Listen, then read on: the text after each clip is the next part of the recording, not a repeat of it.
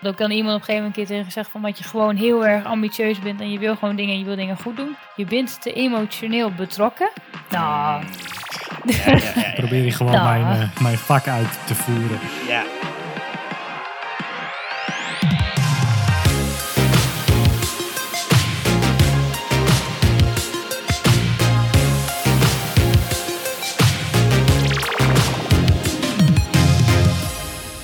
Welkom bij de Pixel Paranoid podcast. Ik ben Mikelle en samen met mijn co-host Rick gaan we alles behandelen rondom UX, UI en frontend development.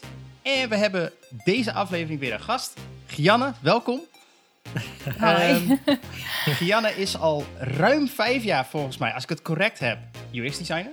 dat klopt. Ik heb Ja. eh, vorige maand mijn prachtige mok gekregen van vijf jaar in dienst. Oh, Ah. nice. ja. En ehm, dit is een beetje toevallig, want we hebben je uitgenodigd. En, en gisteren was het Internationale Vrouwendag. Dat hebben we niet zo uitgedokterd of zo, maar ik vond het wel een... Jawel. Oh. Ah. oh, dit was allemaal van tevoren bedacht. Eh, maar we, we willen wel wat vragen stellen daarover. Van, hey, hoe is het nou als vrouw om in de IT-wereld te werken? En waar loop je tegenaan? En waar kunnen mannen wat van leren? Nou, we gaan er helemaal los op. Ehm, en ehm, verder moeten we even een shout-out doen. Toch, Rick? Naar Sander, zekers. Sander is namelijk de eerste persoon die gedoneerd heeft op, op onze podcast. Want eh, je kunt ons eh, op de vele podcast-apps volgen, maar ook op de website eh vriendvandeshow.nl. Ja. En dan kun je ook reageren op de afleveringen. En je kunt er ook een donatie doen per maand of per jaar. En sh- shout-out naar Sander, maar die heeft een, een jaar donatie gedaan aan de podcast. Dus eh thanks Sander. Ja, ik denk dat we... Misschien moeten we een soort van eh, Pixel Paranoia Hero-lijst maken of zo. En dan eh, noemen we allemaal shout-outs van iedereen die doneert. Dus als je daar tussen wil komen, moet je even doneren. Ja, ja en dan ga- maak ik een t-shirt. Dan stuur ik een t-shirt. ja, check, check, check. Dus eh, nee, hartstikke tof. Ehm, ja, verder... ehm, want ik, ik wil het toch el- elke keer even aan het begin doen. Want als, ik weet dat mensen aan het einde soms wel eens afhaken in de voeten. Eh sommigen ook niet trouwens. Maar dus, dus dank daarvoor als je hem helemaal afluistert. Eh, maar we zitten Thanks, ook Harm. op Telegram. Oh ja, Harm, hè? Ja, Harm die luistert helemaal af. Eh, we zitten ook op Telegram. ehm, en daar delen we ook al wat dingetjes. Sommige dingen die komen wel in de show, sommige dingen komen niet in de show. Het zitten allemaal vakidioten. Gianne is er ook. Ehm, dus kom daar ook gezellig op, op Telegram. Het Pixel Paranoia, zoek daar even op. Eh, ik zet hem ook wel even in de show notes, een linkje naartoe. En eh, kom ook even gezellig mee kletsen. Dat zouden we heel erg waarderen. Ehm, nou, dat was alle hygiëne. Ehm, laten we beginnen met de asides. Ehm, Rick, take it away. Eh, ja, een klein ding. Door mij veel gebruikte website MDN. Het, voorheen was het Mozilla Developer Network. Ik lees net dat het nu MDN WebDocs heet.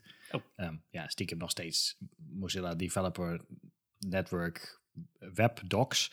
Eh, anyway, die hebben een... eh, wellicht heb je het gezien, maar ze hebben een volledige redesign gedaan van, ehm, van de website. Eh, ja, ik gebruik MDN, nou ik wil zeggen dagelijks, voor ja, letterlijk alles. Alle CSS-properties, HTML, dingen, JavaScript, spec, alles staat daarin beschreven met ehm, bugs en dingen en waar browser support en voorbeelden en dat soort eh, dingen. Eh, een stuk beter dan ehm, W3C, wellicht ook wel bekend bij velen.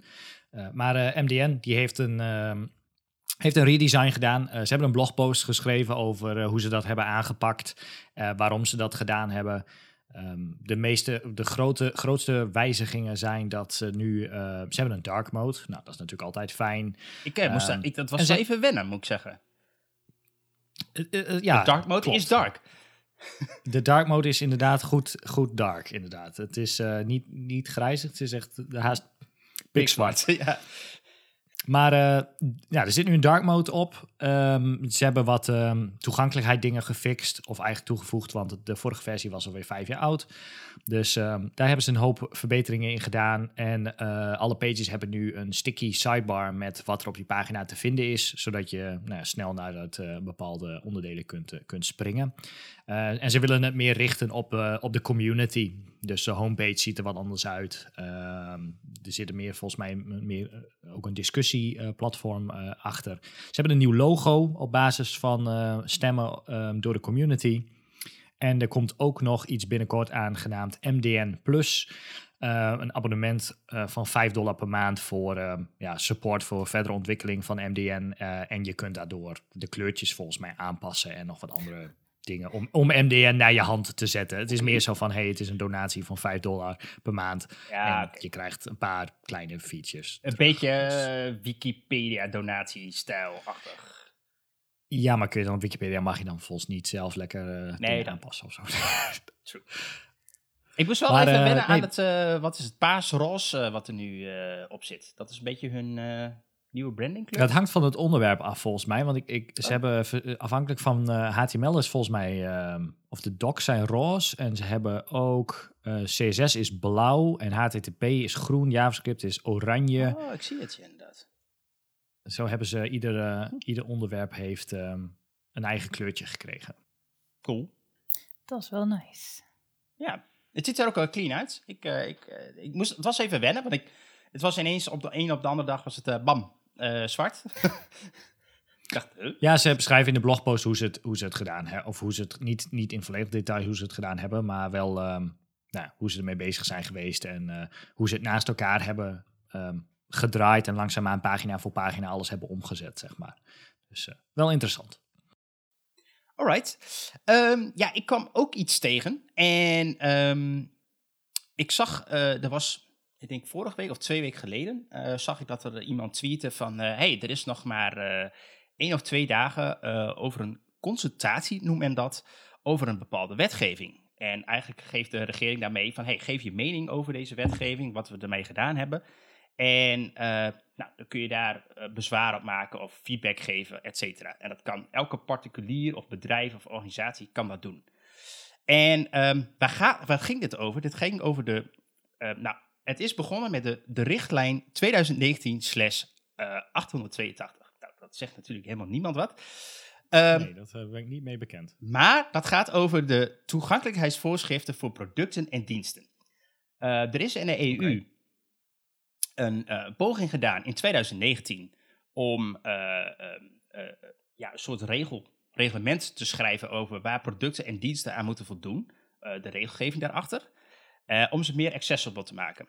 En nou, de oorsprong hiervan is de European Accessibility Act. En niet zozeer op het web? nee, dit gaat inderdaad breder. Dus niet alleen web. dus dat is ook wel een dus belangrijke ontwikkeling hierin. Pak, pak melk in de supermarkt. Bijvoorbeeld. Uh, ik, ik, noem zo even een lijstje op met waar dit over gaat. Uh, maar het idee achter deze voorschrift is, wat ze zelf zeggen, is to improve the functioning of the internal market for accessible products and services by removing barriers created by divergent rules in member states. Dus waar ze achter kwamen is dat eigenlijk elk land binnen de EU, die had zelf wat regeltjes verzonnen.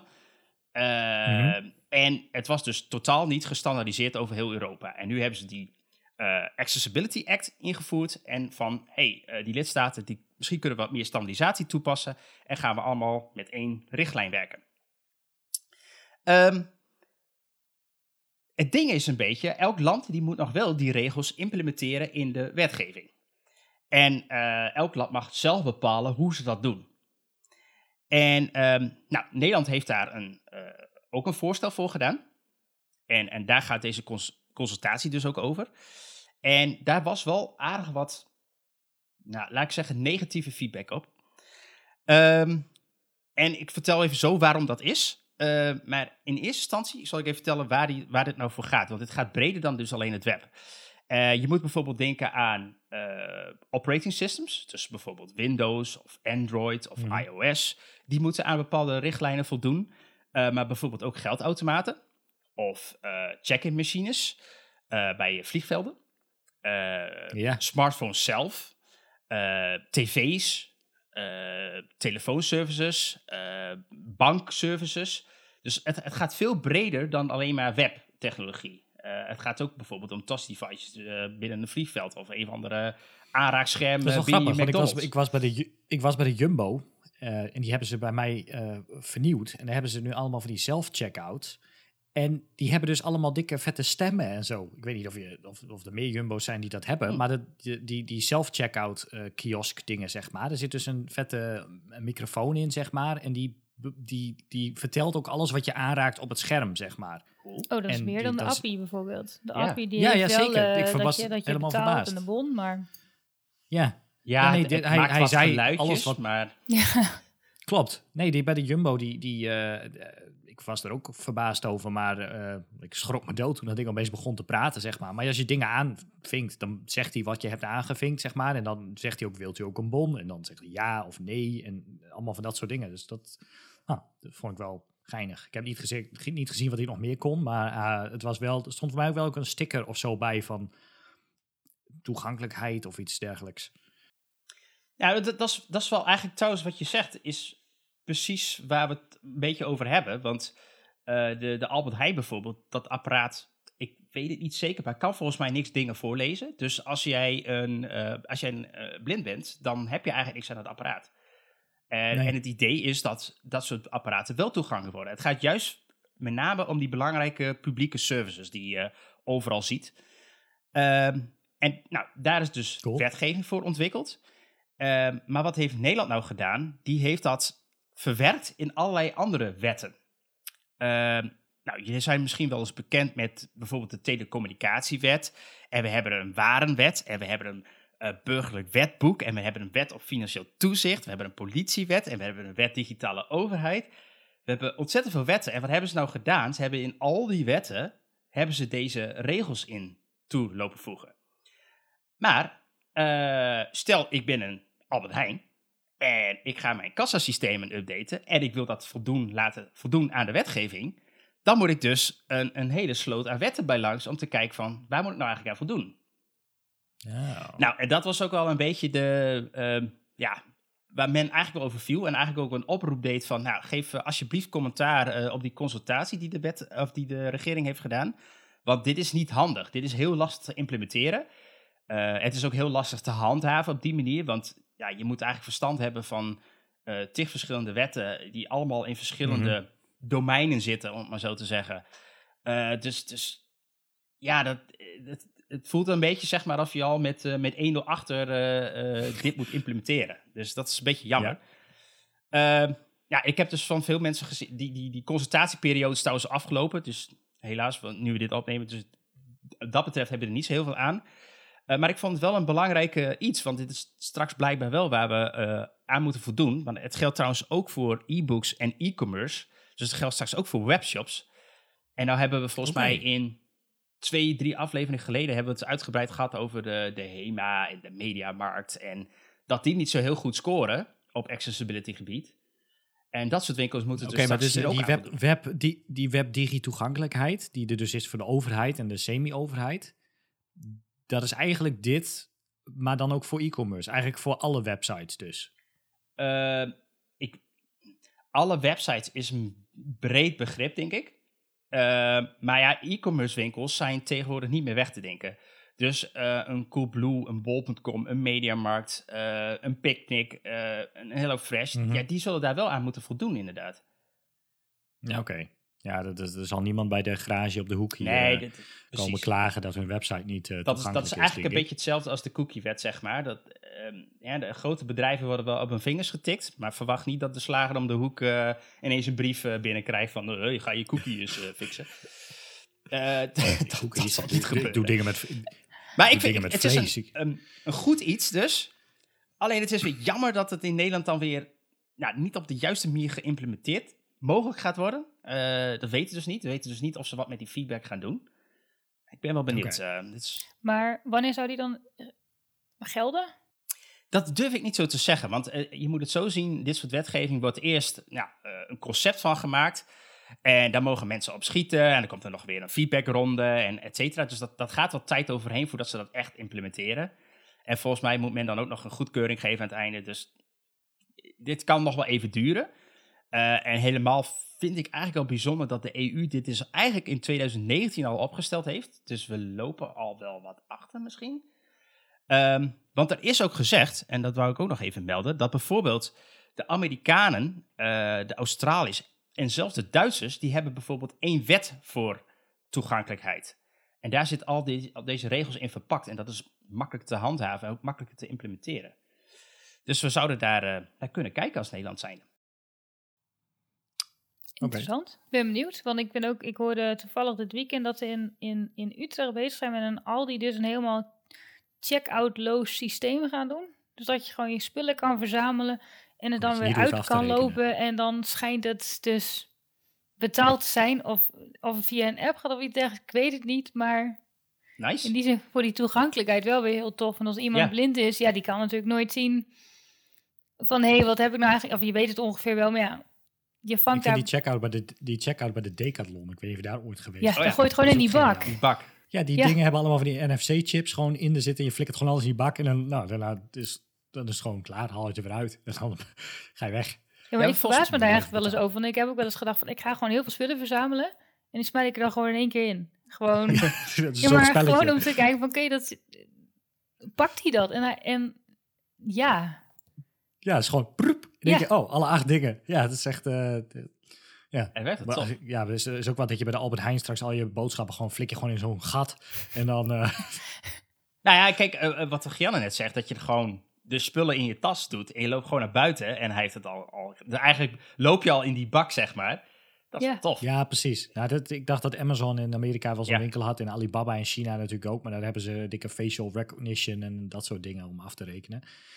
Het, eh, ja, nou, ik ben heel benieuwd bij de Aldi. Het scheelt dus. wel rijden.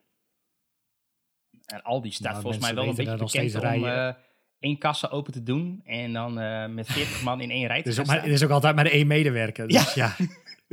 ja, maar ik ben ook wel heel erg benieuwd hoe ze bepaalde andere zaken dan ook weer gaan aanpakken, zeg maar. Want ja, je hebt ook mensen dat, dat, dat, dat, stel je voor je neemt heel veel spullen en je hebt eigenlijk helemaal niet zoveel geld. Kun je dan, ja, dat is een andere maar ik ja, vind ja. die handhaving terug. Ja, nou, dat vind ik wel heel bijzonder. Ik ben wel benieuwd hoe dat, dat dan gaat. Of is het dan gewoon good faith? Ja, ik snap hem. Ja, ik, zeg- ik- je, je zal vast een account moeten fixen op je mobiel of zo, of iets. Ja, ik, ja dat ga ik wel vanuit. En alles zal wel opgenomen worden. Eh, maar ik ben benieuwd. Interessant, interessante ontwikkeling. Ehm, ik had nog een kleine, korte aside. Ehm, want ik zag dat eh, er is bereikbaar een soort afspraak gemaakt. Dat heet de Interop 2022. En dat is van verschillende browsermakers. Google doet mee, Safari doet mee, eh, Firefox doet mee. En misschien nog iemand? Ik weet het niet. Ehm, en wat hebben ze daar nou ingezegd? Eh, is dat ze een aantal features, die willen ze eh, meer prioriteit aangeven. En ook tegelijkertijd. Want nu is het eigenlijk zo Oh. van, ehm, eh, er komt een, ehm, een nieuwe spec van CSS of HTML uit. En browsers mogen eigenlijk zelf kiezen van, nou ja, als we er een keer zin in hebben, dan gaan we dat implementeren. Ehm, maar nu hebben zij eh Interop 2022. En daar hebben ze een aantal focus areas samen bepaald. En een van de dingen die erin zit is cascade layers. Nou, daar hebben we het volgens mij ook wel recent over gehad. Ja. Eh, die color spaces eh, hebben we het over gehad. Die, die ehm, eh, LCH en, en al die andere nieuwe color schemes. Mhm, mhm. Ehm, de dialogue element, forms, scrolling, subgrid, typography en encodings en viewport units. Eh, zo wel coole dingen.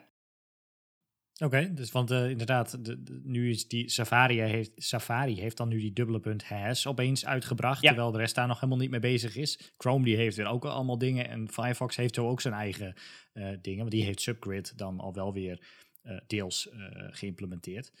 Maar ehm, ze, hebben, ze gaan dus met elkaar afspreken waar ze mee bezig gaan. Ja. Dat is wel... Oh ja, ik was trouwens, de vierde is Edge natuurlijk. Die, die doet ook mee. Ja. Dat is stiekem toch gewoon Chrome. Ja, die leunen op Chrome, maar ze staan er hier als, als part, part bedrijf benoemd die zich ook meedoet. Met de keuze. Ja, zo nou, weet je, jullie gebruiken eigen Chrome, maar ik vind het goed dat je het toch, eh komt er maar bij. Eh, en blijkbaar was er dus in 2021 trouwens ook al een, eh, een, een effort om dit te doen. En dat is eh aspectratio, flexbox, grid en sticky positioning en transforms. Die hebben ze blijkbaar eh, Hmm. samen doorgevoerd. Dus oké, Goede ontwikkeling. ja, wel goed. Ehm, gaan we door naar de main. En ehm, ja, de main ben jij, Gianne. Ehm, En nou, we zeiden al, je bent uh, ruim vijf jaar uh, UX-designer. En zoals uh, heel normaal, wat we eigenlijk in elke aflevering doen, is we vragen eigenlijk de gast van, hey, hoe ben je nou op dit punt gekomen? Hoe ben je nou tot hier gekomen en ja, waarom ben je eigenlijk met het vak UX begonnen? Wat, vind je er nou zo interessant aan? nou, eigenlijk zit daar best wel een lange journey aan vooraf. Want vroeger wist ik eigenlijk nooit goed wat ik wou worden. Ik wou een uh, restaurant, ik wou wel bij de politie, ik wou wel in de sport. Uh, ik wou wel uh, lesgeven in snowboarden in Oostenrijk. Ik, ik wou van alles. En uiteindelijk heb ik mijn, voor mijn HBO-studie ben ik zeg maar een beetje begonnen op management, economie en rechten. Oké. En dat is iets heel anders dan, dan dit. Zeker. En ik heb er ook maar één jaar over gezeten. Ehm want eigenlijk wat ik toen heb gedaan, ik had op een gegeven moment een opdracht. En toen had iedereen zeg maar wat zijn verantwoordelijkheid. En uiteindelijk belandde dus de website bij mij. En toen had ik op een gegeven moment ook met die man, dat was vanuit marketing, ook met die man aan het praten. En zei hij van, ja, moet jij niet iets creatievers doen dan dit? En hij had ook wel gelijk, want echt mijn management skills waren echt gewoon goed. Mijn rechten vond ik ook super interessant, dat was ook gewoon goed. Alleen mijn economievaardigheden waren echt. Uh, nou, daar ben je gewoon teleurgesteld, teleurgesteld van. dus toen ben ik het jaar na mijn uh, communication en multimedia design gaan studeren. Okay. En nou, uiteindelijk bij een online marketingbureau uh, een half jaar uh, stage gelopen. En daarna ben ik naar het buitenland geweest voor een half jaar in Barcelona. En vervolgens ben ik via een vriend van mij bij Ilionix terechtgekomen. Okay. En daar heb ik eigenlijk me vooral heel erg bemoeid met uh, de Humanitas Coke-app. En eigenlijk toen blijven plakken. Alright. en, en, uh, maar wist jij tijdens je opleiding ook, want je zegt van je hebt eerst voor, um, wat zei je, rechten en communicatie? Ja, nee, economie. economie en recht. Oh ja. Um, wat was de keuze om dat te doen? Nou ja, niet, niet per se zeer vrijwillig. Het was een hele brede opleiding. En mijn moeder dacht altijd van, hé, hey, daar moet je heen, daar zit het geld. Dus daar, ga dat maar doen. Thanks, mom. Thanks. Nou ja, het was, geen, het was niet verkeerd bedoeld of zo, helemaal niet. Maar het, het, het, uiteindelijk lag dat mij gewoon niet zo. Nee. Nee. Het, uh, het management vond ik wel heel erg leuk. Weet je, dat komt in die zin in UX ook wel weer een beetje te zeggen. Want je bent toch wel workshops aan het organiseren. Je bent dingen aan het begeleiden. Uh, je moet uh, met projecten moet je bepaalde ballen om ogen houden. Weet je, dat, dat komt daar wel weer in terug. Dat vond ik ook gewoon heel erg leuk om te doen. Ja. En rechten vond ik gewoon, dat is meer gewoon, ik vind feitjes en dingetjes vind ik gewoon leuk en interessant. En om dan weer een loophole te vinden van hé, waar mag het wel of waar mag het niet. Ja. Check. En, Dus, en hoe, ja. hoe, hoe heb je dat? ehm, ehm, je ging switchen eh, in, in dat, na die jaar dus. Ehm, wat dacht je toen? Die communicatiesystemen, dat- vond je dat direct een, een, een match? Of had je nog zoiets van, nou, ik weet nog niet of dit het wel is? Oh nee, ik vond, ik vond juist, ik had wel echt, eh, het eerste jaar was echt superleuk. Dus ik had in die zin wel mijn, mijn plek wel gevonden. Wa- wa- ja, ik had eigenlijk, ik had ook een vriendin van mij, die zat bij mij in, in, de, in de klas. Dus het was, ja, het, het, het, het, het, klikte gewoon. Ik vond het leuk, we hebben filmpjes gemaakt. Eh, we hebben websites bedacht en ontwikkeld. Huisstijl gemaakt. En een huisstijl gemaakt, nou die wil je niet zien nu van mij, want dat, is, dat, dat sloeg helemaal nergens op. ik heb er wel een voldoende Nee. voor gehad, maar mm. Eh, nee, dus dat, eh, ik weet niet, het was eigenlijk gelijk een klik. En, en, en we hadden, ja, ik denk dat veel luisteraars, of tenminste de UX-designers, die hebben volgens mij al een beetje een soortgelijke opleiding gedaan. Dus volgens mij hebben alle drie dezelfde opleiding gedaan. Maar welke minor heb je eh, destijds gekozen? Ehm, nou ja, je had bij communicatiesysteem had je drie afstudeerrichtingen. Ja. Je had eh, web en mobile, je had eh, brand en design, Brand design. en je had, En je had eh, game game. ja. Nou, en ik had toen uiteindelijk gekozen voor mo- eh, web en mobile. Oké. Dus toch wel dat, dat, dat Ja, HTML erbij en net even... Ja. Dat, en, eh, want ik had altijd zoiets van, ik vind UX super tof, ik vind programmeren leuk, maar visual design is in die zin niet mijn... Ik denk dat daar andere mensen daar gewoon veel beter in zijn. Ja. En ja, uiteindelijk daardoor juist ook daar, hiervoor gekozen. En ik had dus, ja, weet je, ik vind het leuk om af en toe gewoon een design te hebben en om die gewoon te HTML'en. Mhm. Maar ik vind het ook af en toe, of meestal gewoon heel erg leuk om juist met, met, met de klant mee te gaan denken, te helpen, out of the box te gaan. Ja, En Mhm. uiteindelijk tot iets, gewoon iets heel tofs neer te zetten. ja, ja zeker. Ja, het, het zoeken van, wat je, wat je net zei, eh, met je rechten, het zoeken naar loopholes is natuurlijk ook wel iets wat je in HTML soms eh, en CSS een beetje aan het doen bent. Ook, eh, ook een beetje kijken van hoe kan ik dit toch realiseren, ondanks dat het misschien niet zou kunnen, zeg maar. Op, op welke manier kan ik het toch, toch voor elkaar krijgen? Ja, Dat, eh, ja Maar dat is gewoon vet. Jij bent dus, je zegt nu eigenlijk van, hé, hey, ik ben ook HTML gaan, eh, gaan doen. Wat, wat, is dat, ben je daar direct mee begonnen, toen al tijdens je studie al? Of? Ja. Oké. Eigenlijk echt al vanaf het begin. Ik was in het begin alleen niet zo heel goed in.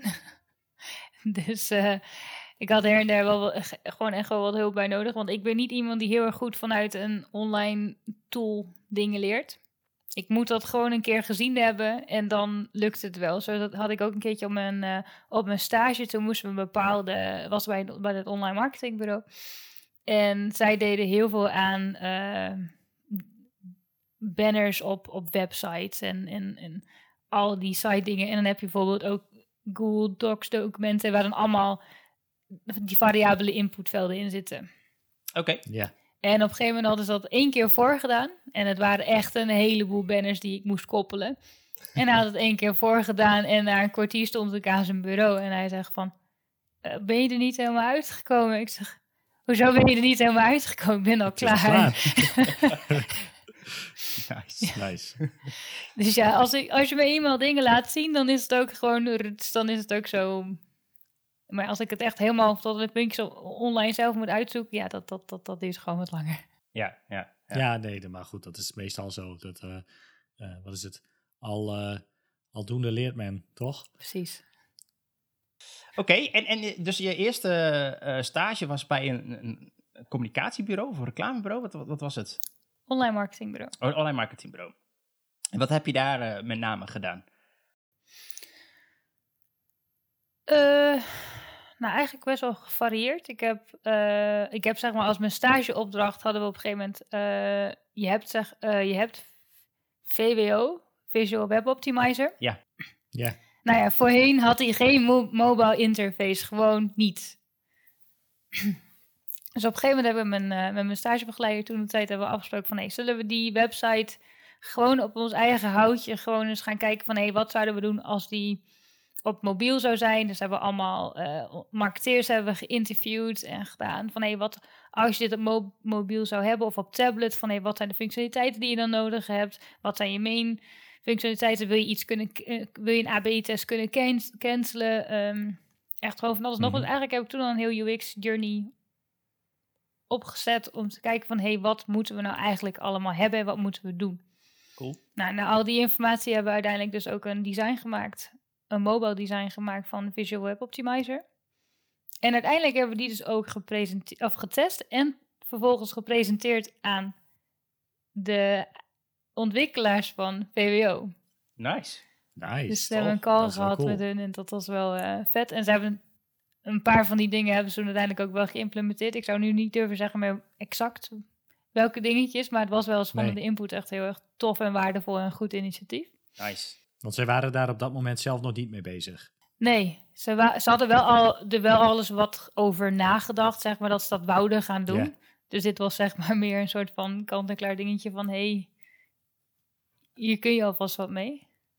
Dit was ook in de, in de tijd dat mobiele websites nog niet, eh, mobile first nog niet een ding was. Nee, zeg maar. nee, dat was toen nog Nee. helemaal nog niet... eh, Ah, Nee. nice. Dat is wel cool. Ja, het was ook in 2015. Ja, precies. Dus dat is wel echt, eh, echt een tijdje geleden al. eh.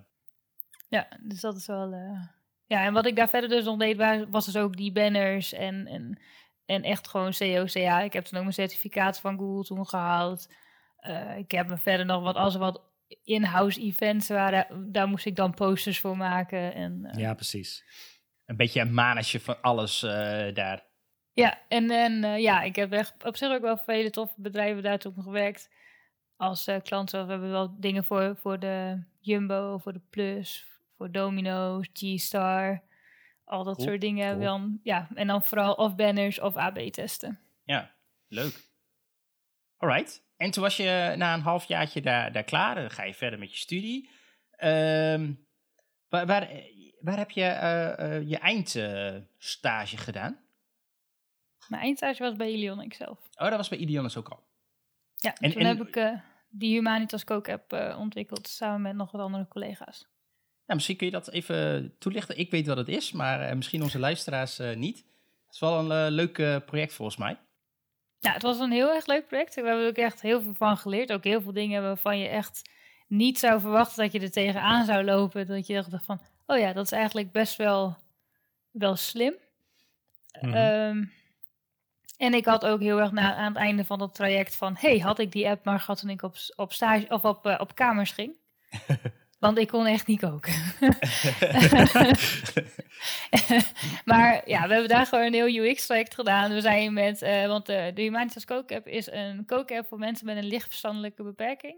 En door de kook-app wouden we ze een stukje vrijheid en een stukje zelfstandigheid weer teruggeven. Dus eh, de hele kook-app was er ook zo op ingericht van, hey, je boodschappen komen erin. Dus je ziet helemaal je, je lijstje met ingrediënten, maar ook je benodigdheden van, hey, dit ben je eigenlijk allemaal nodig. En op die manier kon je dan ook gaan kijken van, hey, heb ik nu alles in huis? En ook op die manier ook er zo over nagedacht van, nee, als je in de supermarkt bent, groentes moeten niet overal staan. Je moet, ehm, je moet je groentes bij elkaar hebben staan in de app. Je hebt je alles een beetje op die manier gewoon zoveel mogelijk logisch geprobeerd in te richten. En we hebben met hun gekookt. En op een gegeven moment stond ook in de app van... eh, doe een eh, sch- scheutje olijfolie in de pan. Ja, wat is in vredesnaam een scheutje Wat is een scheutje? Ja. dus ja, daar ging iets meer in dan een scheutje. En, eh, maar eigenlijk, ja, dat, dat, daar loop je gewoon niet. Dan denk je als je aan een scheutje denkt. Maar iedereen die, die niet zo goed kan koken, die zou ook denken, ja, ja doe maar wat, zeg maar. Ja, ja. ja, ja, precies. En eh, nou, we hebben gewoon heel veel met ze gekookt. We hebben eh, prototypes gemaakt, we hebben wireframings gemaakt. We hebben ook heel erg nagedacht over hoe we de recepten neerzetten. Want al heel vaak als je bij een eh alle handen bij de recepten kijkt, dan denk je af en toe van dit is één stap met tien stappen. ja, ja. Ja, precies. En dan zeggen ze vervolgens ook nog het mooiste van... Gooi eh, de kip alvast in de pan. En ga dan ook even het uitje snipperen. ja. Ja, wat gebeurt Ja, er met dat- die kip dan? Ja. Nou, dat, dat is... ik, ik moet even lachen, want soms dan ben ik mijn HelloFresh diner aan het maken.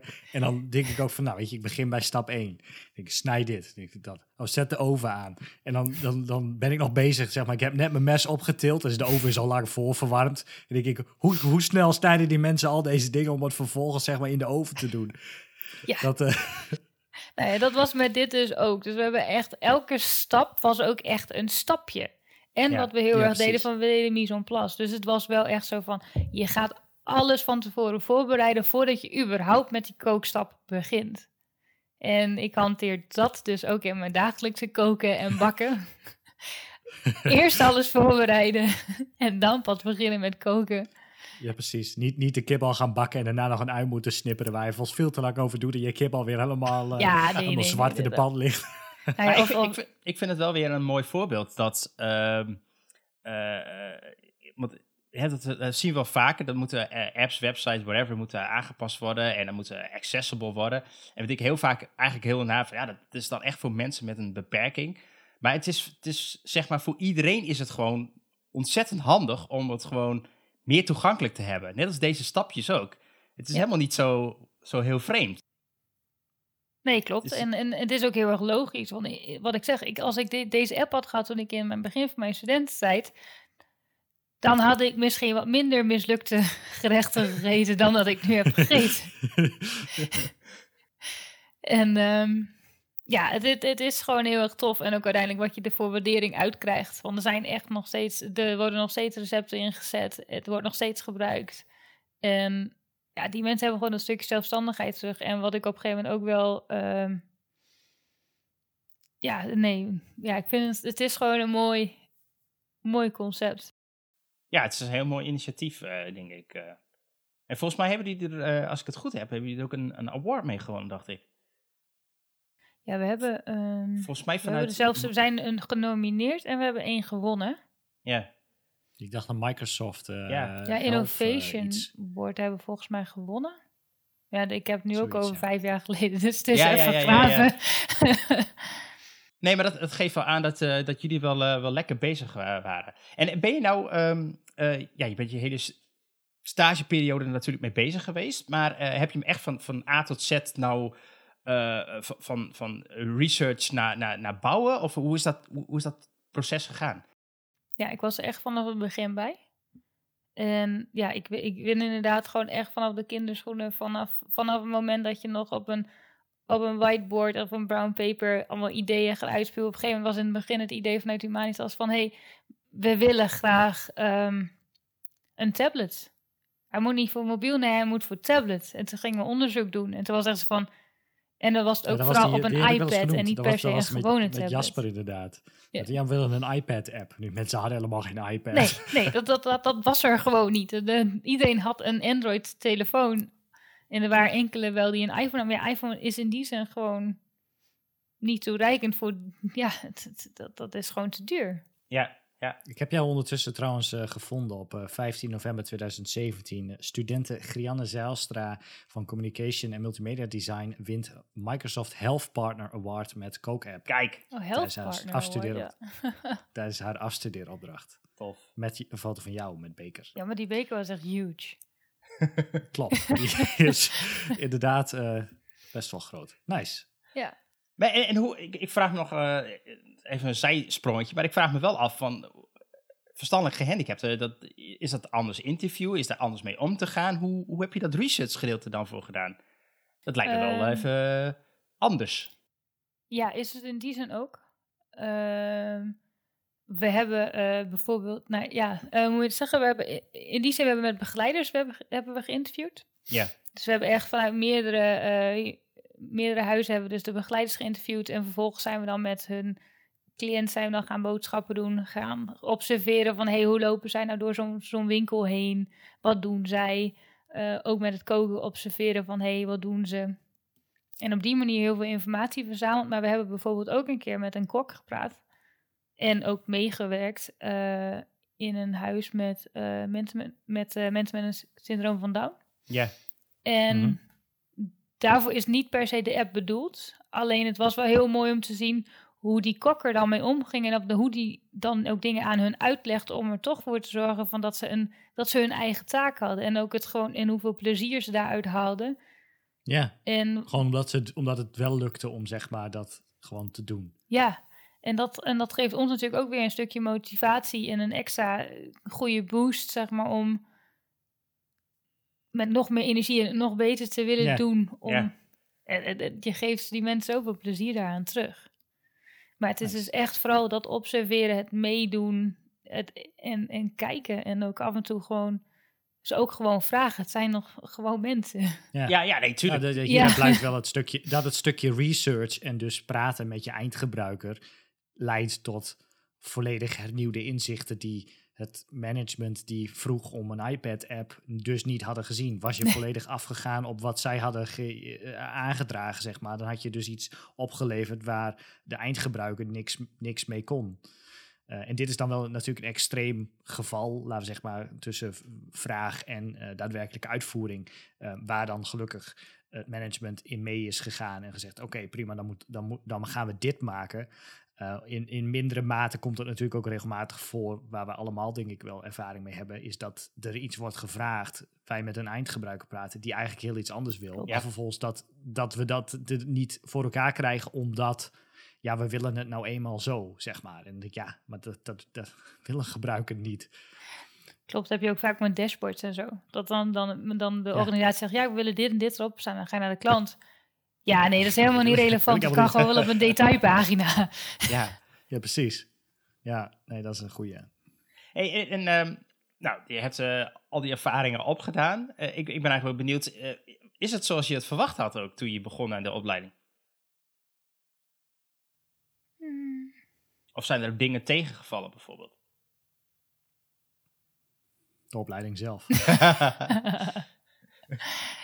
Ehm, nee, ik heb niet per se dingen die, e- die echt tegen zijn gevallen. Eh, ik vind het, mens, het mensenstukje gewoon heel erg leuk en belangrijk. Eh eenmaal toen ik in het vak zat, toen had ik in, in het begin heel veel klantcontact. En op een gegeven moment eh, was het vooral met, met je eigen mensen. En toen heb ik op een gegeven moment wel eens gedacht van... Oh, ik mis af en toe het in de winkel staan. Mm. Want Ja. ik werkte voorheen eh, in een schoenenwinkel. En vervolgens heb ik in een eh, damesmodewinkel gewerkt.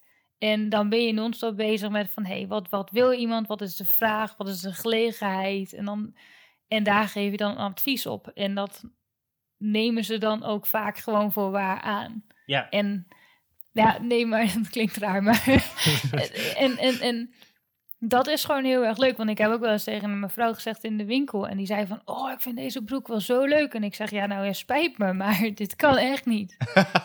en ik, dus eigenlijk denk ik dan van, oeh, krijg ik wel bij een, een, een grens langs. Maar ik, ik ben er gewoon heel erg van overtuigd als je eerlijk bent en je, wil, je hebt het beste voor met je klant, dan Ja. heb je daar uiteindelijk veel meer aan. En uiteindelijk is ze dus ook met een tas vol kleren weggegaan in plaats van één broek. dus en er was een soort ehm, mini-UX-trajectje. Ja, een mini. Maar ja, dat is. Dat, en dat vind ik ook in mijn, in mijn eh, hedendaagse werkzaamheden gewoon heel erg belangrijk. Weet je, ik, ik ga geen lulverhaal, een verkooppraatje. Nee, als je er gewoon in gelooft en je doet wat je, wat je kan en wat je leuk vindt, dan verkoopt het in die zin zichzelf wel. Eens. Want je Ja, bent ook echt eens. iemand zijn, ja, zijn partner. Helemaal eens. Tof. Ik wou nog iets met mijn vrouw ergens zeggen, maar ik weet het niet meer. Nee, dat ma- maakt niet uit, maakt niet uit, maakt niet uit. En, en ehm, st- want je, je zei net al van, nou ja, je, je mist af en toe in de winkel staan. Stel je was nou geen UX'er geworden, wat had je dan gedaan? Ik zou het oprecht niet weten. Nou, ge- geen, ik, ik geen heb, ik- nou ja, ik heb nu, nou, nou, je had vroeger, ik vond vroeger, ik vind nog steeds restaurant, mijn familie komt uit de horeca, dat soort dingen, dus dat vind ik echt heel erg tof. Je had me alleen vroeger niet in de keuken moeten neerzetten, want dan ging het gewoon niet goed. Ik kan nu, ik kan nu echt wel, ik kan mensen om reviews vragen, dat, dat, dat gaat nu echt best wel goed. Maar je had me vroeger geen chef moeten laten hoor, dan, dan, dan, dan hadden we een leeg restaurant. maar je weet, je weet dus niet eh, wat je dan had gedaan. Nee, wat ik, nee, wat ik eerder heb gezegd. Ik zeg, ik, een, een re- eigen restaurant, dat lijkt me nog steeds wel heel erg leuk om dat ooit nog in een verre toekomst te gaan doen. Ja, Nou, Michelle, dan ga jij daar koken. Ja. Dan ben ik gastvrouw. Ja, precies. Wordt wel aan het strand ergens, een leuk strand. Nee, sorry mevrouw, met die broek komt u er niet in. nee, inderdaad. Nee, maar dat Nee. geeft eigenlijk wel aan dat je dan een goede keuze hebt gemaakt, toch? Als je, als je eigenlijk geen idee hebt wat je, ehm, wat je dan zou doen, dan ben je... Tenminste, dat, dat ga ik dat is een aanname. Dan ben ik denk ik dat je tevreden bent met je vak. Ja, nee, ik ben eh, zeker tevreden met mijn vak. Ik heb ook, ik vind ook gewoon het klantcontact, wat ik in het begin op een gegeven moment wel een beetje miste, heb ik nu gewoon heel erg veel. En dat vind ik gewoon belangrijk. Ik moet wel in die zin eh ermee bezig gaan en echt mensen kunnen helpen. En ik moet niet iemand zijn die alleen maar uitvoerend is. Nee, je, je wil echt effect zien van wat jij bedacht hebt. Ja. En dat in klant overtuigen en, en nou ja, alles wat erbij komt kijken eigenlijk. Ja, maar als je me, ja, als je me echt alleen maar op uitvoerend, uitvoerend zet, dan, dan word ik op een gegeven moment wel ongelukkig. Ja, dan word je een beetje zo'n eh, beetje fabriek. Ja. Gewoon input, uitvoer, that's it. De, de, als je, dan kun je ze niet zelf meedenken, zeg maar, aan. eh, plus, op het moment dat je deze ambitie hebt om dingen goed te willen doen of te willen verbeteren, dan ga je nu alleen maar zonder dat je, zeg maar, de context hebt, dingen doorvoeren en aanpassen. En ik, dat zou ik ook niet kunnen, denk ik. Dus ja, waarom voeg ik daar nou een knop toe dan? Ik wil Ja. wel weten waarom die dan daar moet komen te staan, zeg maar. Dat eh, nee, snap ik wel. Ja, en, en juist, ik vind, dat, dat vind ik dan, die discussie met zo'n zo'n klant, vind ik echt ontzettend leuk. Eh, weet je, weet je, dat sparren, Ja. dat trekken. eh, zij hebben bepaalde commerciële doelen. eh, wij denken vanuit de eindgebruiker. En dat- ergens moet het in de midden ko- uitkomen. Ik, ik vind dat juist wel een leuke, leuke struggle. Ook weer een puzzel. Ja, maar het zijn, het zijn leuke puzzels. Ja. En ehm, je bent bij nou, in dit geval bij Ideonics terechtgekomen. Dat is een, laten we zeggen, een middelgrote IT-organisatie. als vrouw zijnde. Hoe, hoe beviel dat? Die hele IT-wereld. Wat vind je daar nou eigenlijk van? Hmm, ja, dat is een, een, een ik, ik vind dat wel leuk. In die zin, ik heb altijd vanaf jongs af aan eigenlijk altijd, ik was altijd wel een van de jongens. Dus in die zin heb ik me daar nooit zo, dat, dat, dat, dat, dat, ja. Ik begrijp de humor en ik begrijp hoe een man in die zin soms wel denkt. Oké. Ik zou niet zeggen dat ik ineens iedereen, alle mannen kan analyseren, want dat gaat dus echt ver. Oké, gelukkig. nee, dus dat gaat wel echt ver. Maar ja, als je altijd een van de jongens bent, dan, dan, is, het- dan, is, dan, ja, dat, dan vind je dat ook allemaal wel prima. Ehm Maar- maar ik wel denk je- merk, Maar moet je dat ook echt zijn, denk je? Om, in die, om deze wereld te horen? Of, nee, alleen het is in het begin nog wel zo, want je bent natuurlijk wel echt een van de weinige meiden ja. of vrouwen. Ja. En je, be- ja, en, en, je, en je gaat daar echt wel dingen tegen je, tegen je krijgen. Ik heb bijvoorbeeld één keer, dus dat ik op een, was ik gewoon, mijn vakgebied werd de hele tijd, want weet je, UX is niet een, een dat, dat heeft niet elke organisatie heel erg hoog zitten. En dan zegt ze, ja, Nee. doe maar een kleurtje. En op een gegeven moment dan, dan, dan wordt er zo vaak op knopjes bij je gedrukt. En op een gegeven moment dan heb je op een gegeven moment zoiets van, ja, flikker nou Je werd, op. je, werd niet, je werd niet serieus genomen. Nee, en dan word je niet serieus genomen. En ik merk dat als dat, jonge vrouw in de IT-wereld met allemaal mannen, ja, dan loop dan heb je, je moet wel wat stevig in je schoenen staan.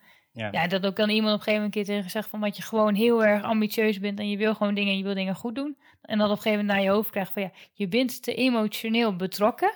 Nou, Mm. ja, ja, ja, ja, probeer je gewoon mijn, eh, mijn vak uit te voeren. ja. Ja, dus dan, dat, eh, maar ja, dat, dat soort dingen, je komt daar wel tegen. Maar het is gewoon wel een hele leuke wereld. En UX is super tof. En ik zou het ook niet willen inwisselen. Alleen je hebt nu nog wel, want je, je bent wel in een mannenwereld en niet elke man. En er zijn nog best wel veel mannen die nog, nou best wel, dat is niet waar. Ik denk dat het nog een klein deel de ouderwetse gedachte heeft. ja. Ja. Ja, en daar moet je, daar moet je wel wat steviger mee in je schoenen staan. En was, was, werd jij dan niet serieus genomen omdat je vrouw was? Zeg maar? Nou ja, Omdat ze dus... je- Zeg, ja, zeg het maar misschien. Ja. Ja, zeg het maar. Dat is heel moeilijk te zeggen. Ik was natuurlijk nog niet zo heel lang in dienst. Nee, Misschien twee jaar of zo. Dus dan kom je net uit de schoolbanken. Ja, dan ben je... Nou, d- Ja, nee, drie, ik- ik- ik 24 en meisje. Ja, dat... Tegen, tegen allemaal mannen die al jaren bij zo'n applicatie zitten. Waarvan jij dan ineens zegt... Ja, maar wat jij doet, dat kan niet. Ja, Ja, nee, precies. Dan moet je wel goed in je schoenen staan en dat kunnen verdedigen en ook... eh, ja. En dus niet te emotioneel betrokken zijn. Maar ik, Ja, ik, en- ik vind dat wel zo'n opmerking. Eh, laat ik het zo zeggen, vanuit een mansperspectief. eh weet je, ik, ik weet dat wij dit soort dingen eh, als man zijnde maken we dat soort opmerkingen, maar we denken daar ook niet goed bij na. En dat is denk ik, we zitten nu wel in een, in een tijdperk dat we over dat soort dingen wel na moeten denken. Maar heb jij, heb jij nog meer van dat soort voor, voorbeelden waarvan je zegt van, nou weet je, dat, dat mag gewoon anders? Nou, op zich niet, op dat, niet, niet per se op dat vlak. Je merkt gewoon nog wel af en toe dat, dat als je in een organisatie bent waarbij dus die, die, die ouderwetse gedachte nog heel erg heerst, dat Ja. je gewoon veel harder erin moet staan om maar je punt waar te maken. En vaak dan merk je als je Ja. dan ineens een achterban hebt die dus wel mannen zijn, of die, een, een vrouw die wel veel ouder is, want dat leeftijd werkt daar ook in ja, oké, leeftijd is ook een ding. En dan, dan, dan pas wat je pas. Het, je moet meer doen om jezelf zichtbaar te maken en om je punt te laten horen. Het is heus Juist. niet in elke organisatie dat dat zo is. Nee. Dat, het, eh, gelukkig Nee, maar. dat snap ik wel. Ja, ja, als je natuurlijk gewoon bij een kleine bedrijf zit of bij een jonge club, dan, dan heb je dat issue dus minder dan dat je bij een grote, logge, grote, ouderwetse ambtenarenorganisatie, zeg maar, komt, om even eh, wat te roepen. Da- dan, dan heb je dus inderdaad de, de oude harde kern zitten die daar eh, zijn opgegroeid eh, zonder internet en dan nu toen een website hadden en dan nu kom jij wel even vertellen hoe het moet, zeg maar. Ja, dat, dat, dat valt niet altijd in goede aarde. En Nee. Nee. Ja, en dat zegt ook weer iets over de UX-volwassenheid van ook een organisatie. Want ook jullie lopen Ja, tegen nee, dingen aan dat als een organisatie daar gewoon niet aan toe is, dan kun Ja. jij nog zo'n goede bedoeling hebben, maar dan, dan Ja, als ze er niet voor openstaan en, en, en, en het doen omdat het een moedje is en niet omdat ze daadwerkelijk eh, een verbeterde ervaring willen, dan kun je lullen als brugman natuurlijk, maar dan, eh, ja, dan zijn ze niet heel meegaand. Nee. En nou ja, om ook net op jullie vraag terug heb je nog meer van dit soort opmerkingen? Nou nee, niet per se. Zijn er dingen waar mannen soms wat meer op kunnen letten? Is ja, er zijn wel opmerkingen die mannen dan wel eens nog kunnen maken. Weet je, als je een, een, een, een, een, werkend, een werkende vrouw bent, dan zijn er ook wel, en helemaal als je feministisch bent, en hoe erger feministisch, hoe, hoe erger je er ook op triggert. Maar als mannen zeggen voor de grap van, ja, maar een vrouw hoort toch in- achter het aanrecht, nou dan kun je Delft kun je gewoon op de kast hebben zitten, inclusief mij. Dan heb ik echt zoiets van, hallo.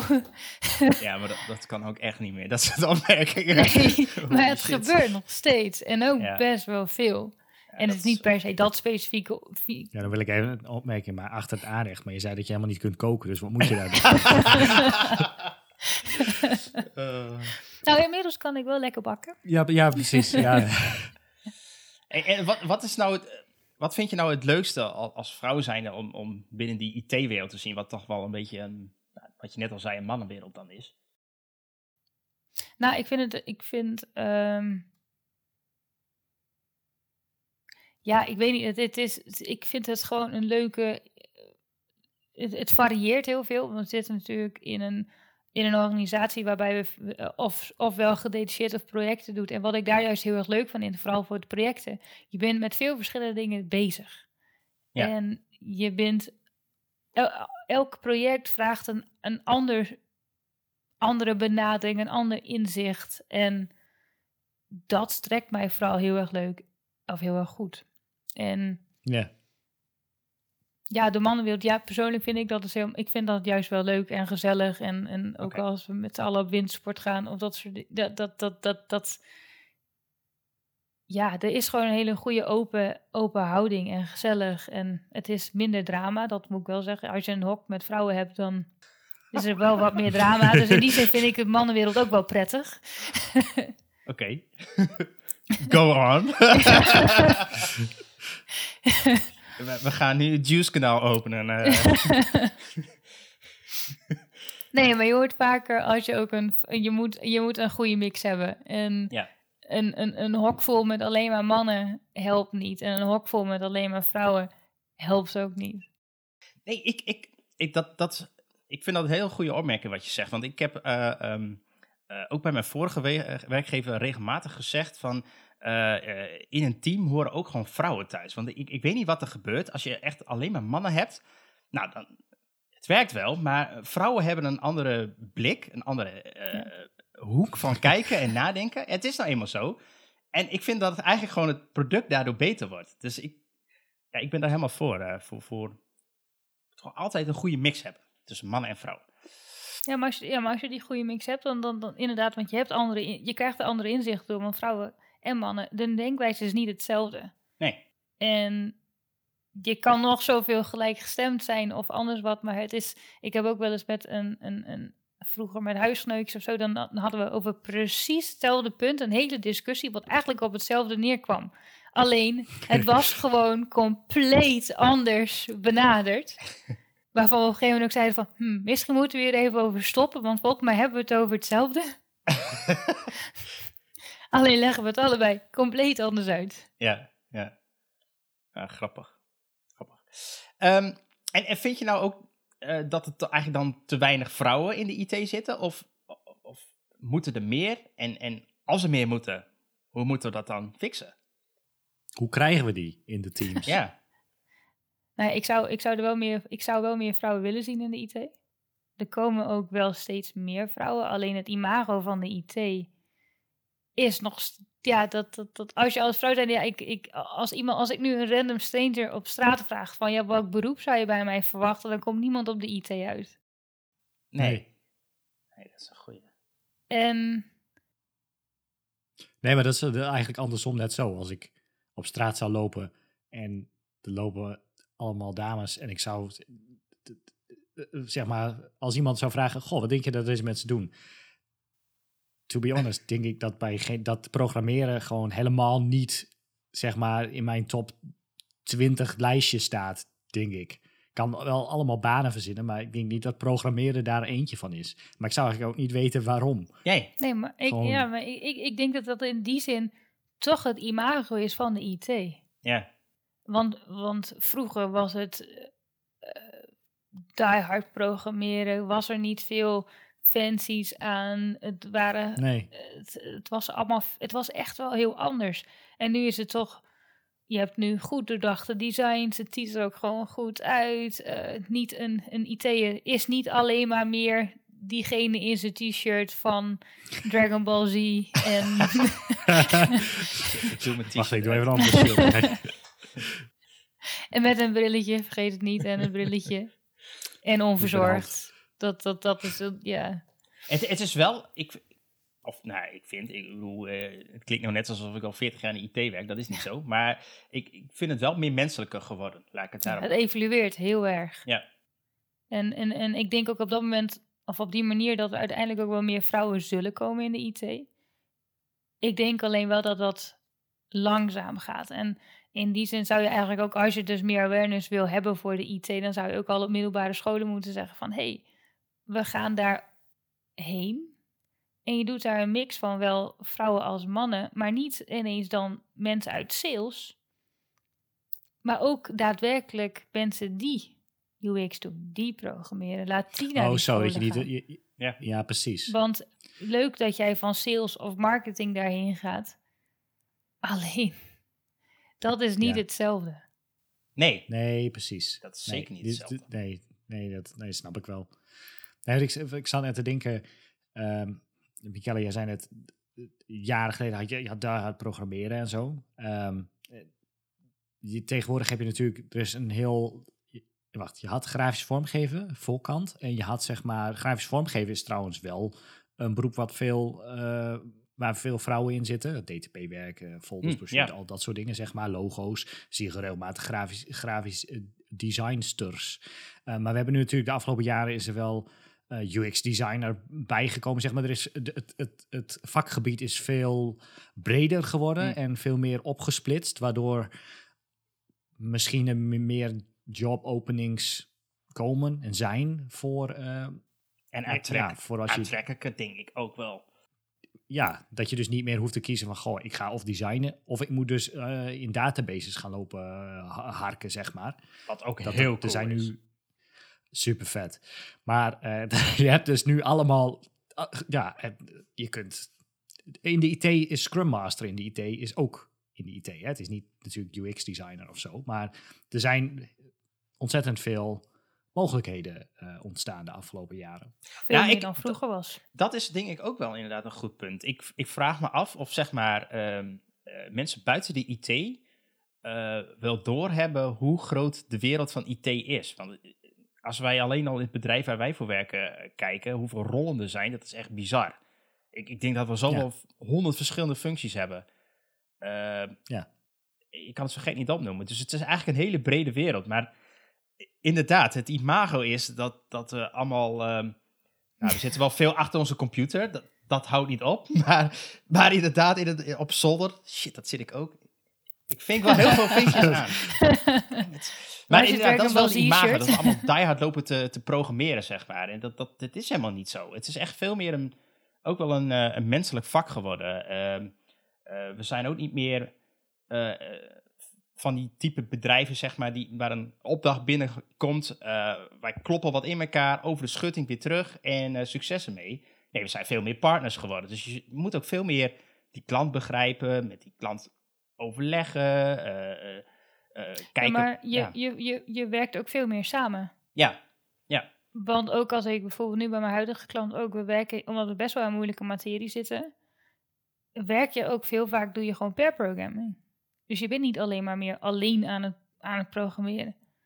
Met, eh ehm, hoe moet je dat zeggen? Je- je- je- Nou, Je bent niet alleen nee, bezig. je bent niet alleen maar achter je computer. Je doet niet alleen maar één, één, één, één tunnelvisie. Nee, je bent aan het overleggen. Je bent per programming. Je bent aan het reviewen. Je bent aan het kijken van nee, waar kan nog iemand bij helpen? Het, het, het is veel Ja, Ja. socialer.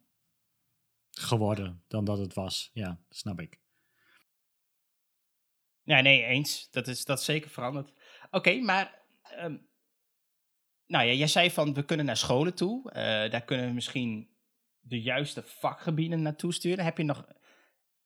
Moeten we nog iets anders doen? Moeten we bijvoorbeeld eh, commercial spots eh, op tv knallen met eh, alleen maar vrouwen in de IT? Nee, nee. Is dat dan de Ja, ik fix? zit, ik zit, Nee, ik zit even te denken, want toen ik op de Hansen zat, had je natuurlijk ook van die, die, die beurzen en zo dergelijks. Dan Oh ja. kwamen mensen, allemaal van die bedrijven kwamen met van die stands inderdaad daar staan.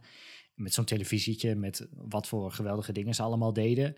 En ik, ik, wat Grianne net zei, daar kwamen meestal inderdaad de sales managers. Af en toe stond er dus inderdaad een programmeur bij, maar ja, to be honest, de meeste programmeurs... HR-mensen waarschijnlijk. HR-mensen, ja, de meeste programmeurs die gaan er, die, die zijn niet zo sociaal. Die gaan er niet lopen, eh, enthousiast lopen doen om te programmeren, zeg maar. Dus dat, dat was wel een ding. En de meeste advertenties die ik voorbij zien komen, soms zelfs in bushokjes of zo, maar ook op LinkedIn en you name it allemaal, zijn wel allemaal van die echte. Als het gaat over vrouwen en programmeren, gewoon echt haast een screenshot van een stuk code met een foto van een vrouw eroverheen of zoiets dergelijks. Met kom bij ons programmeren of zoiets dergelijks. Weet je, dan denk ik, hmm, Ja, die, die heb je vast wel eens een keer voorbij zien komen. Ja, dat ja. soort. eh, Ja, maar het is gewoon de- dat is gewoon de verkeerde manier. Maar ook het, het, het, het, het alleen maar vrouwen bewust dan in een reclamespotje of zo. Alleen maar vrouwen, dan heb ik ook met het geeft ook een oneerlijk beeld. En dat is ook niet helemaal niet wat je wil. je wil gewoon een goede mix. En het moet niet per se alleen maar gespitst is van... Oh, we willen vrouwen, we willen vrouwen, we willen vrouwen. Ja, nee, dat werkt ook tegen je. ja. ja. Hey, en nu zag ik ehm, ehm, recent, vorig jaar ergens, zag ik dat Microsoft eh, gratis opleidingen aanbiedt aan vrouwen die IT in willen. En dat, nou, ik ben eigenlijk wel benieuwd hoe jullie daarover denken. Ik vond, ik vond het eigenlijk wel een goed idee. Om, om zo, Gratis opleidingen voor. ja, eh, volgens mij voor eh, eh, bijvoorbeeld voor eh data-analyst of eh, BI-achtige eh, hoek, zeg maar. Omdat daar ook, En dan ja, daar is best wel veel opleidingen of gewoon online cursussen. Het is volgens Ja, mij een complete trainingen. opleiding van twee jaar of zo. Oh, Oké, dat, dat is wel cool. Ja, die, die, die, ja die, die gratis cursussen online. Ik weet niet of je daarmee aan de man komt, zeg maar. Is dan bij je bedrijf, ja, ik heb deze Microsoft cursussen online gedaan. Ja, hm. Kijk, als je een hele opleiding hebt, dat is wel cool. Ja. Volgens mij zijn er zijn wel veel meer van dat soort, eh, co- wat is het, eh, eh, Code for Girls, Coding Girls, Hm. Pi Girls, de, eh, nou, you name it. Het zijn allemaal van dat soort organisaties die eh, eh, vrouwen eh, willen helpen, leren, programmeren. Ja, maar er zijn ook wel vrij veel communities inderdaad. En ook vrij veel van dat soort ja, acties. Ja, ja. Ja, ik, ik vind het wel... Ja, ik, ik vind het zelf wel interessant, maar ik was even benieuwd... Gian, hoe kijk jij daarnaar? Vind jij dat nou een goed idee? Is, is dit inderdaad de manier om meer vrouwen dan eh, IT in te krijgen? Ik weet niet of een, of een, of een gratis opleiding per se nou juist... Of, dat dat nou helpt. Want dat is hetzelfde als met, met een docentenopleiding gratis aanbieden. Ja, maar waar, je moet de reden aanpakken waarom dat er zo weinig mensen...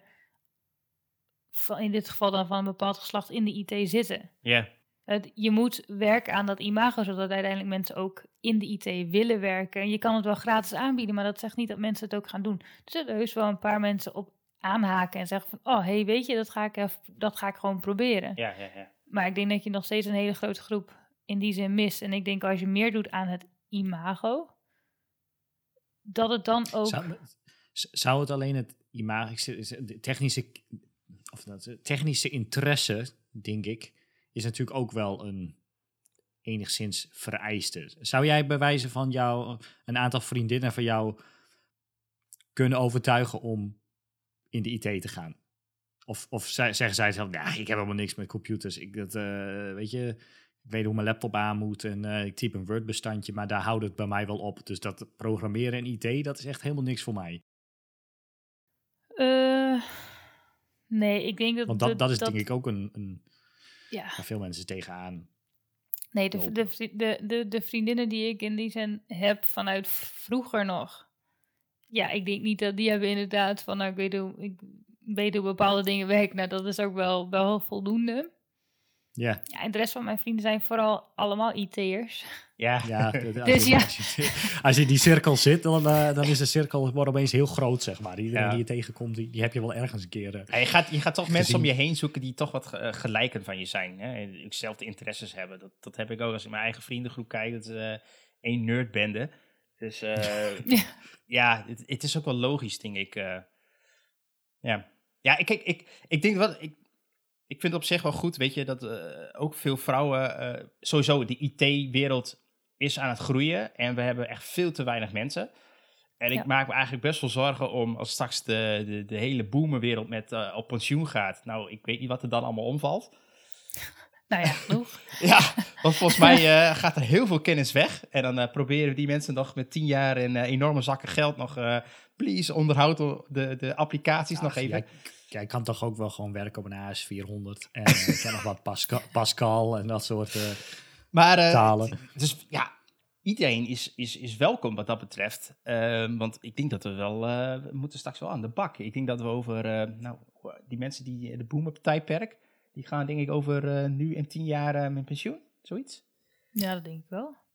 Nou, wat- wat leuk.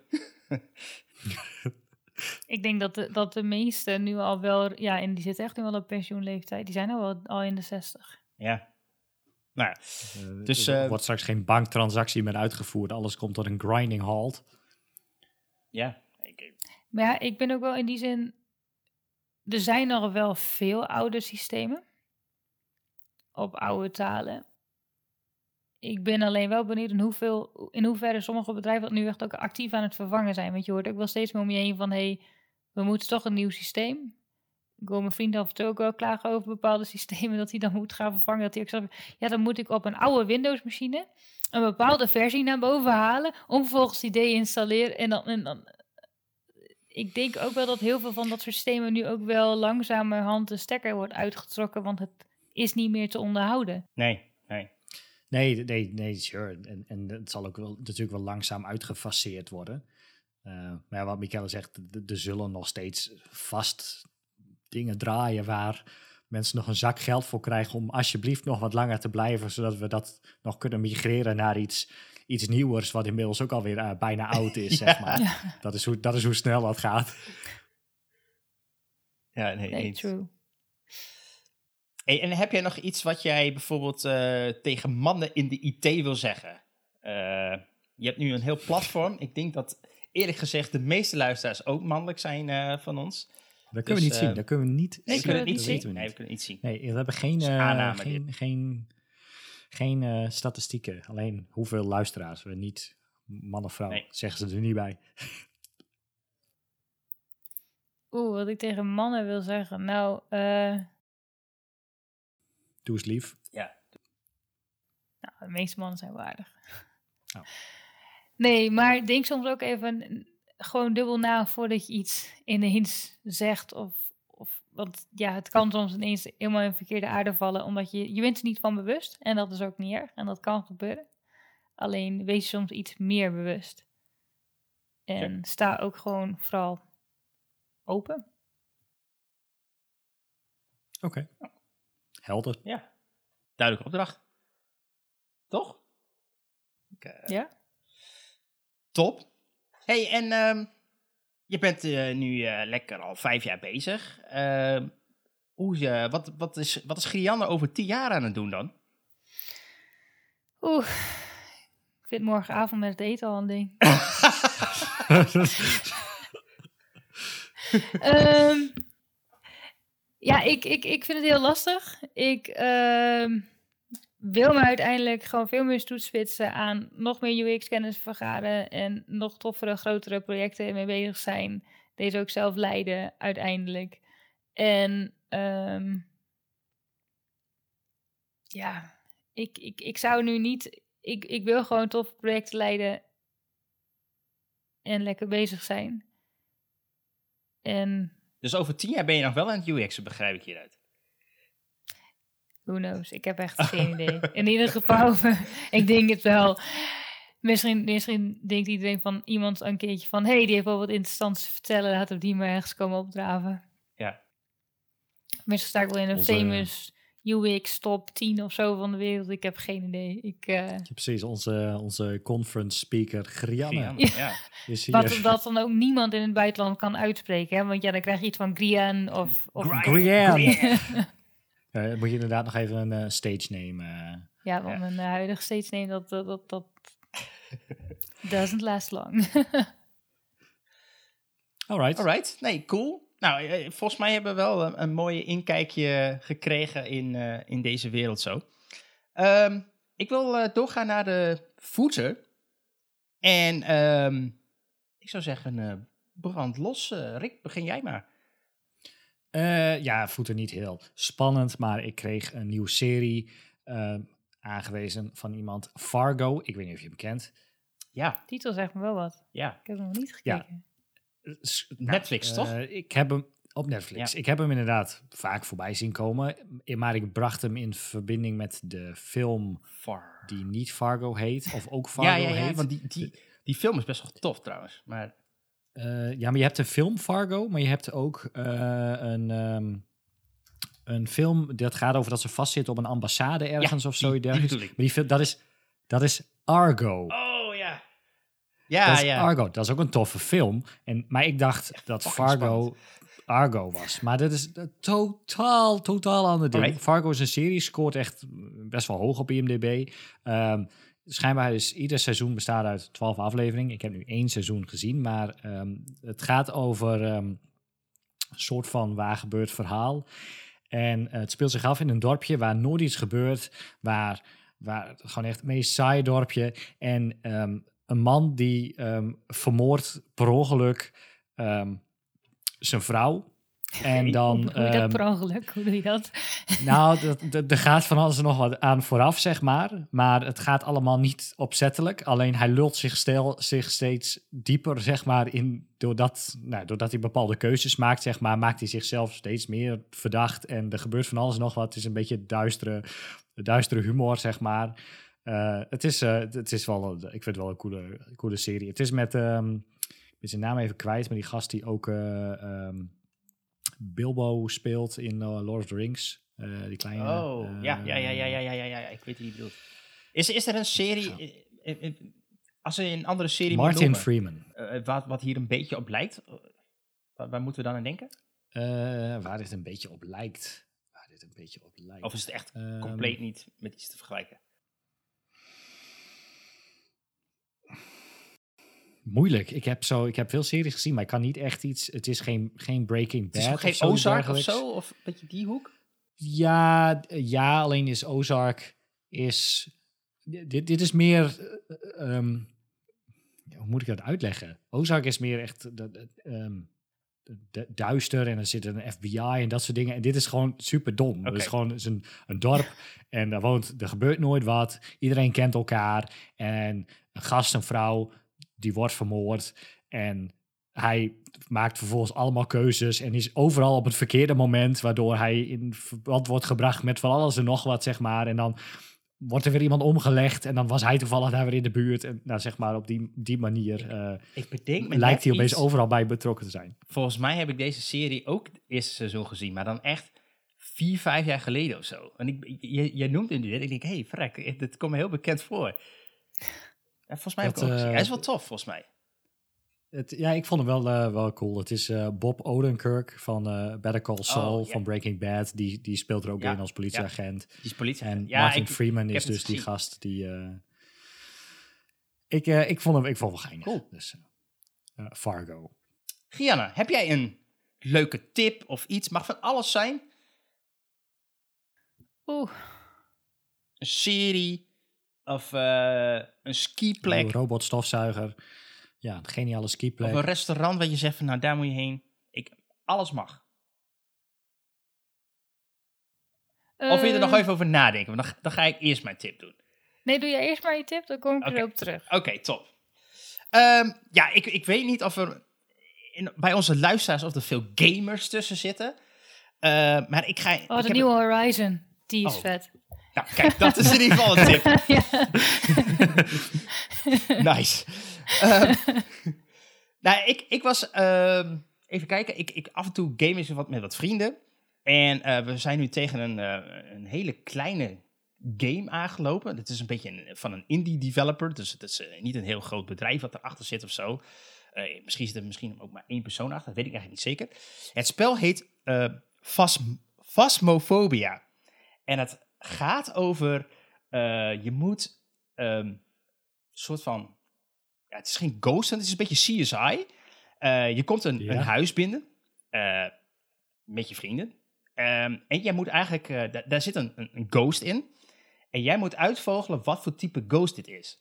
En dit is een, eh, een behoorlijke horror game. Ik wil het zeggen. Ik zie Ja, dit- dit, ik, dit is zie hier ook horror staan. Ja, het, het is echt super freaky. Ehm, laat ik zo zeggen, ik, ben, ik, ik schrik niet snel van dingen, maar de- deze game, eh, ik, ik heb mijn hartslag opgemeten toen ik dit aan het spelen was. en ik zat gewoon continu op 120, zeg maar. Het is pikken donker, je hebt een zaklampje. eh, je hebt allerlei apparaatjes die moet je kopen in het begin. En die moet je neerzetten. Je kunt zout strooien. En als je voetstappen ziet, dan weet je dat... Oh, dat is misschien die geest. Een poltergeist of een mare of whatever. Ehm, ja, je hebt iets van 40 type ghosts. Ehm, en je hebt zeg maar ook een, een, een apparaatje en die doe je aan. En ehm, dan kun je met de ghost praten. En er zit voice recognition in de game. Dus je, je kunt echt letterlijk tegen die ghost zeggen... where are you? En dan hoor je zo, I am here. En dan... Ja, het, is echt, het is echt- heel freaky. De, de graphics zijn niet, niet bepaald echt hoogstaand of zo, maar het ziet er wel gewoon het ziet er wel awesome dat is, uit. Ja. ja, het, het, de graphics zijn eigenlijk helemaal niet bijzonder, inderdaad. Maar de, de, ja, de gameplay is zo, zo tof. En zeker met, met vrienden eh, eh, is, is het echt heel leuk om dat te doen. En iedereen Maar je schrijft hoeft geen. VR-headset te hebben, want het lijkt me echt zo'n VR-game. Maar dat is Ja, dat zou ik dus ook Hij, verwachten. hij dat is hij- er ook in VR, inderdaad. Oh, dat zou ik hem helemaal niet Maar ik, ik, spelen. ik, ik ga dat echt niet doen. Dat durf ik echt niet aan. Ik, ik, ben, hier, ik ben hier al helemaal eh, in de stress van.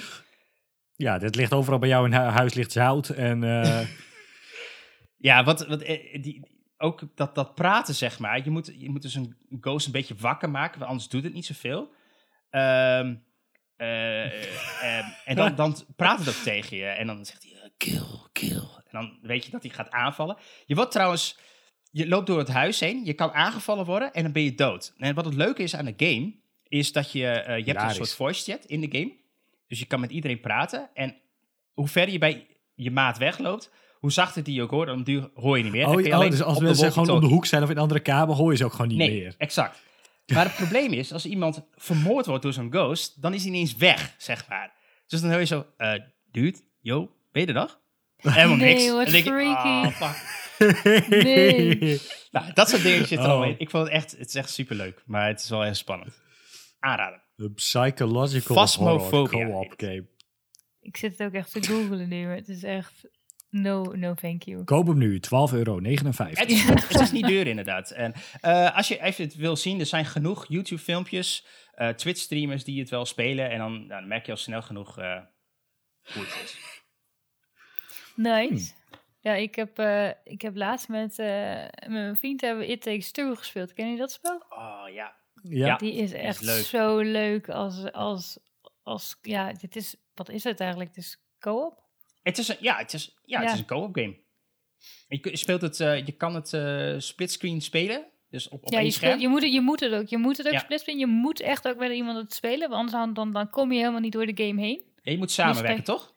Ja, je moet samenwerken. Dus je moet ook echt bepaalde dingen. Dan moet je op een gegeven moment een spijker wegschieten. En dan is de een die heeft dan spijkers. En de ander die heeft dan een hamer. En dan, dan, dan schiet je dus die spijkers in de muur. En dan hang je aan, met die hamer aan zo'n spijker. En dan kan dus je, je, je partner in dit, in dit geval. Die zegt dan van die fluit dan die spijkers terug. Dan flik je dus naar beneden.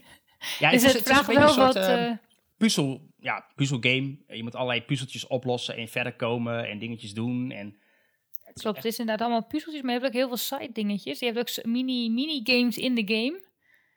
En dan eh, kun je er ook een soort van weer, weer tegen elkaar aan. En eh, je hebt heel veel werelden. En we dachten, het is, van, het is echt een klein spel of zo, maar het was echt, echt best wel groot. En het is gewoon heel erg leuk. Je, je blijft geboeid. Ook elke ruimte heeft een eigen thema.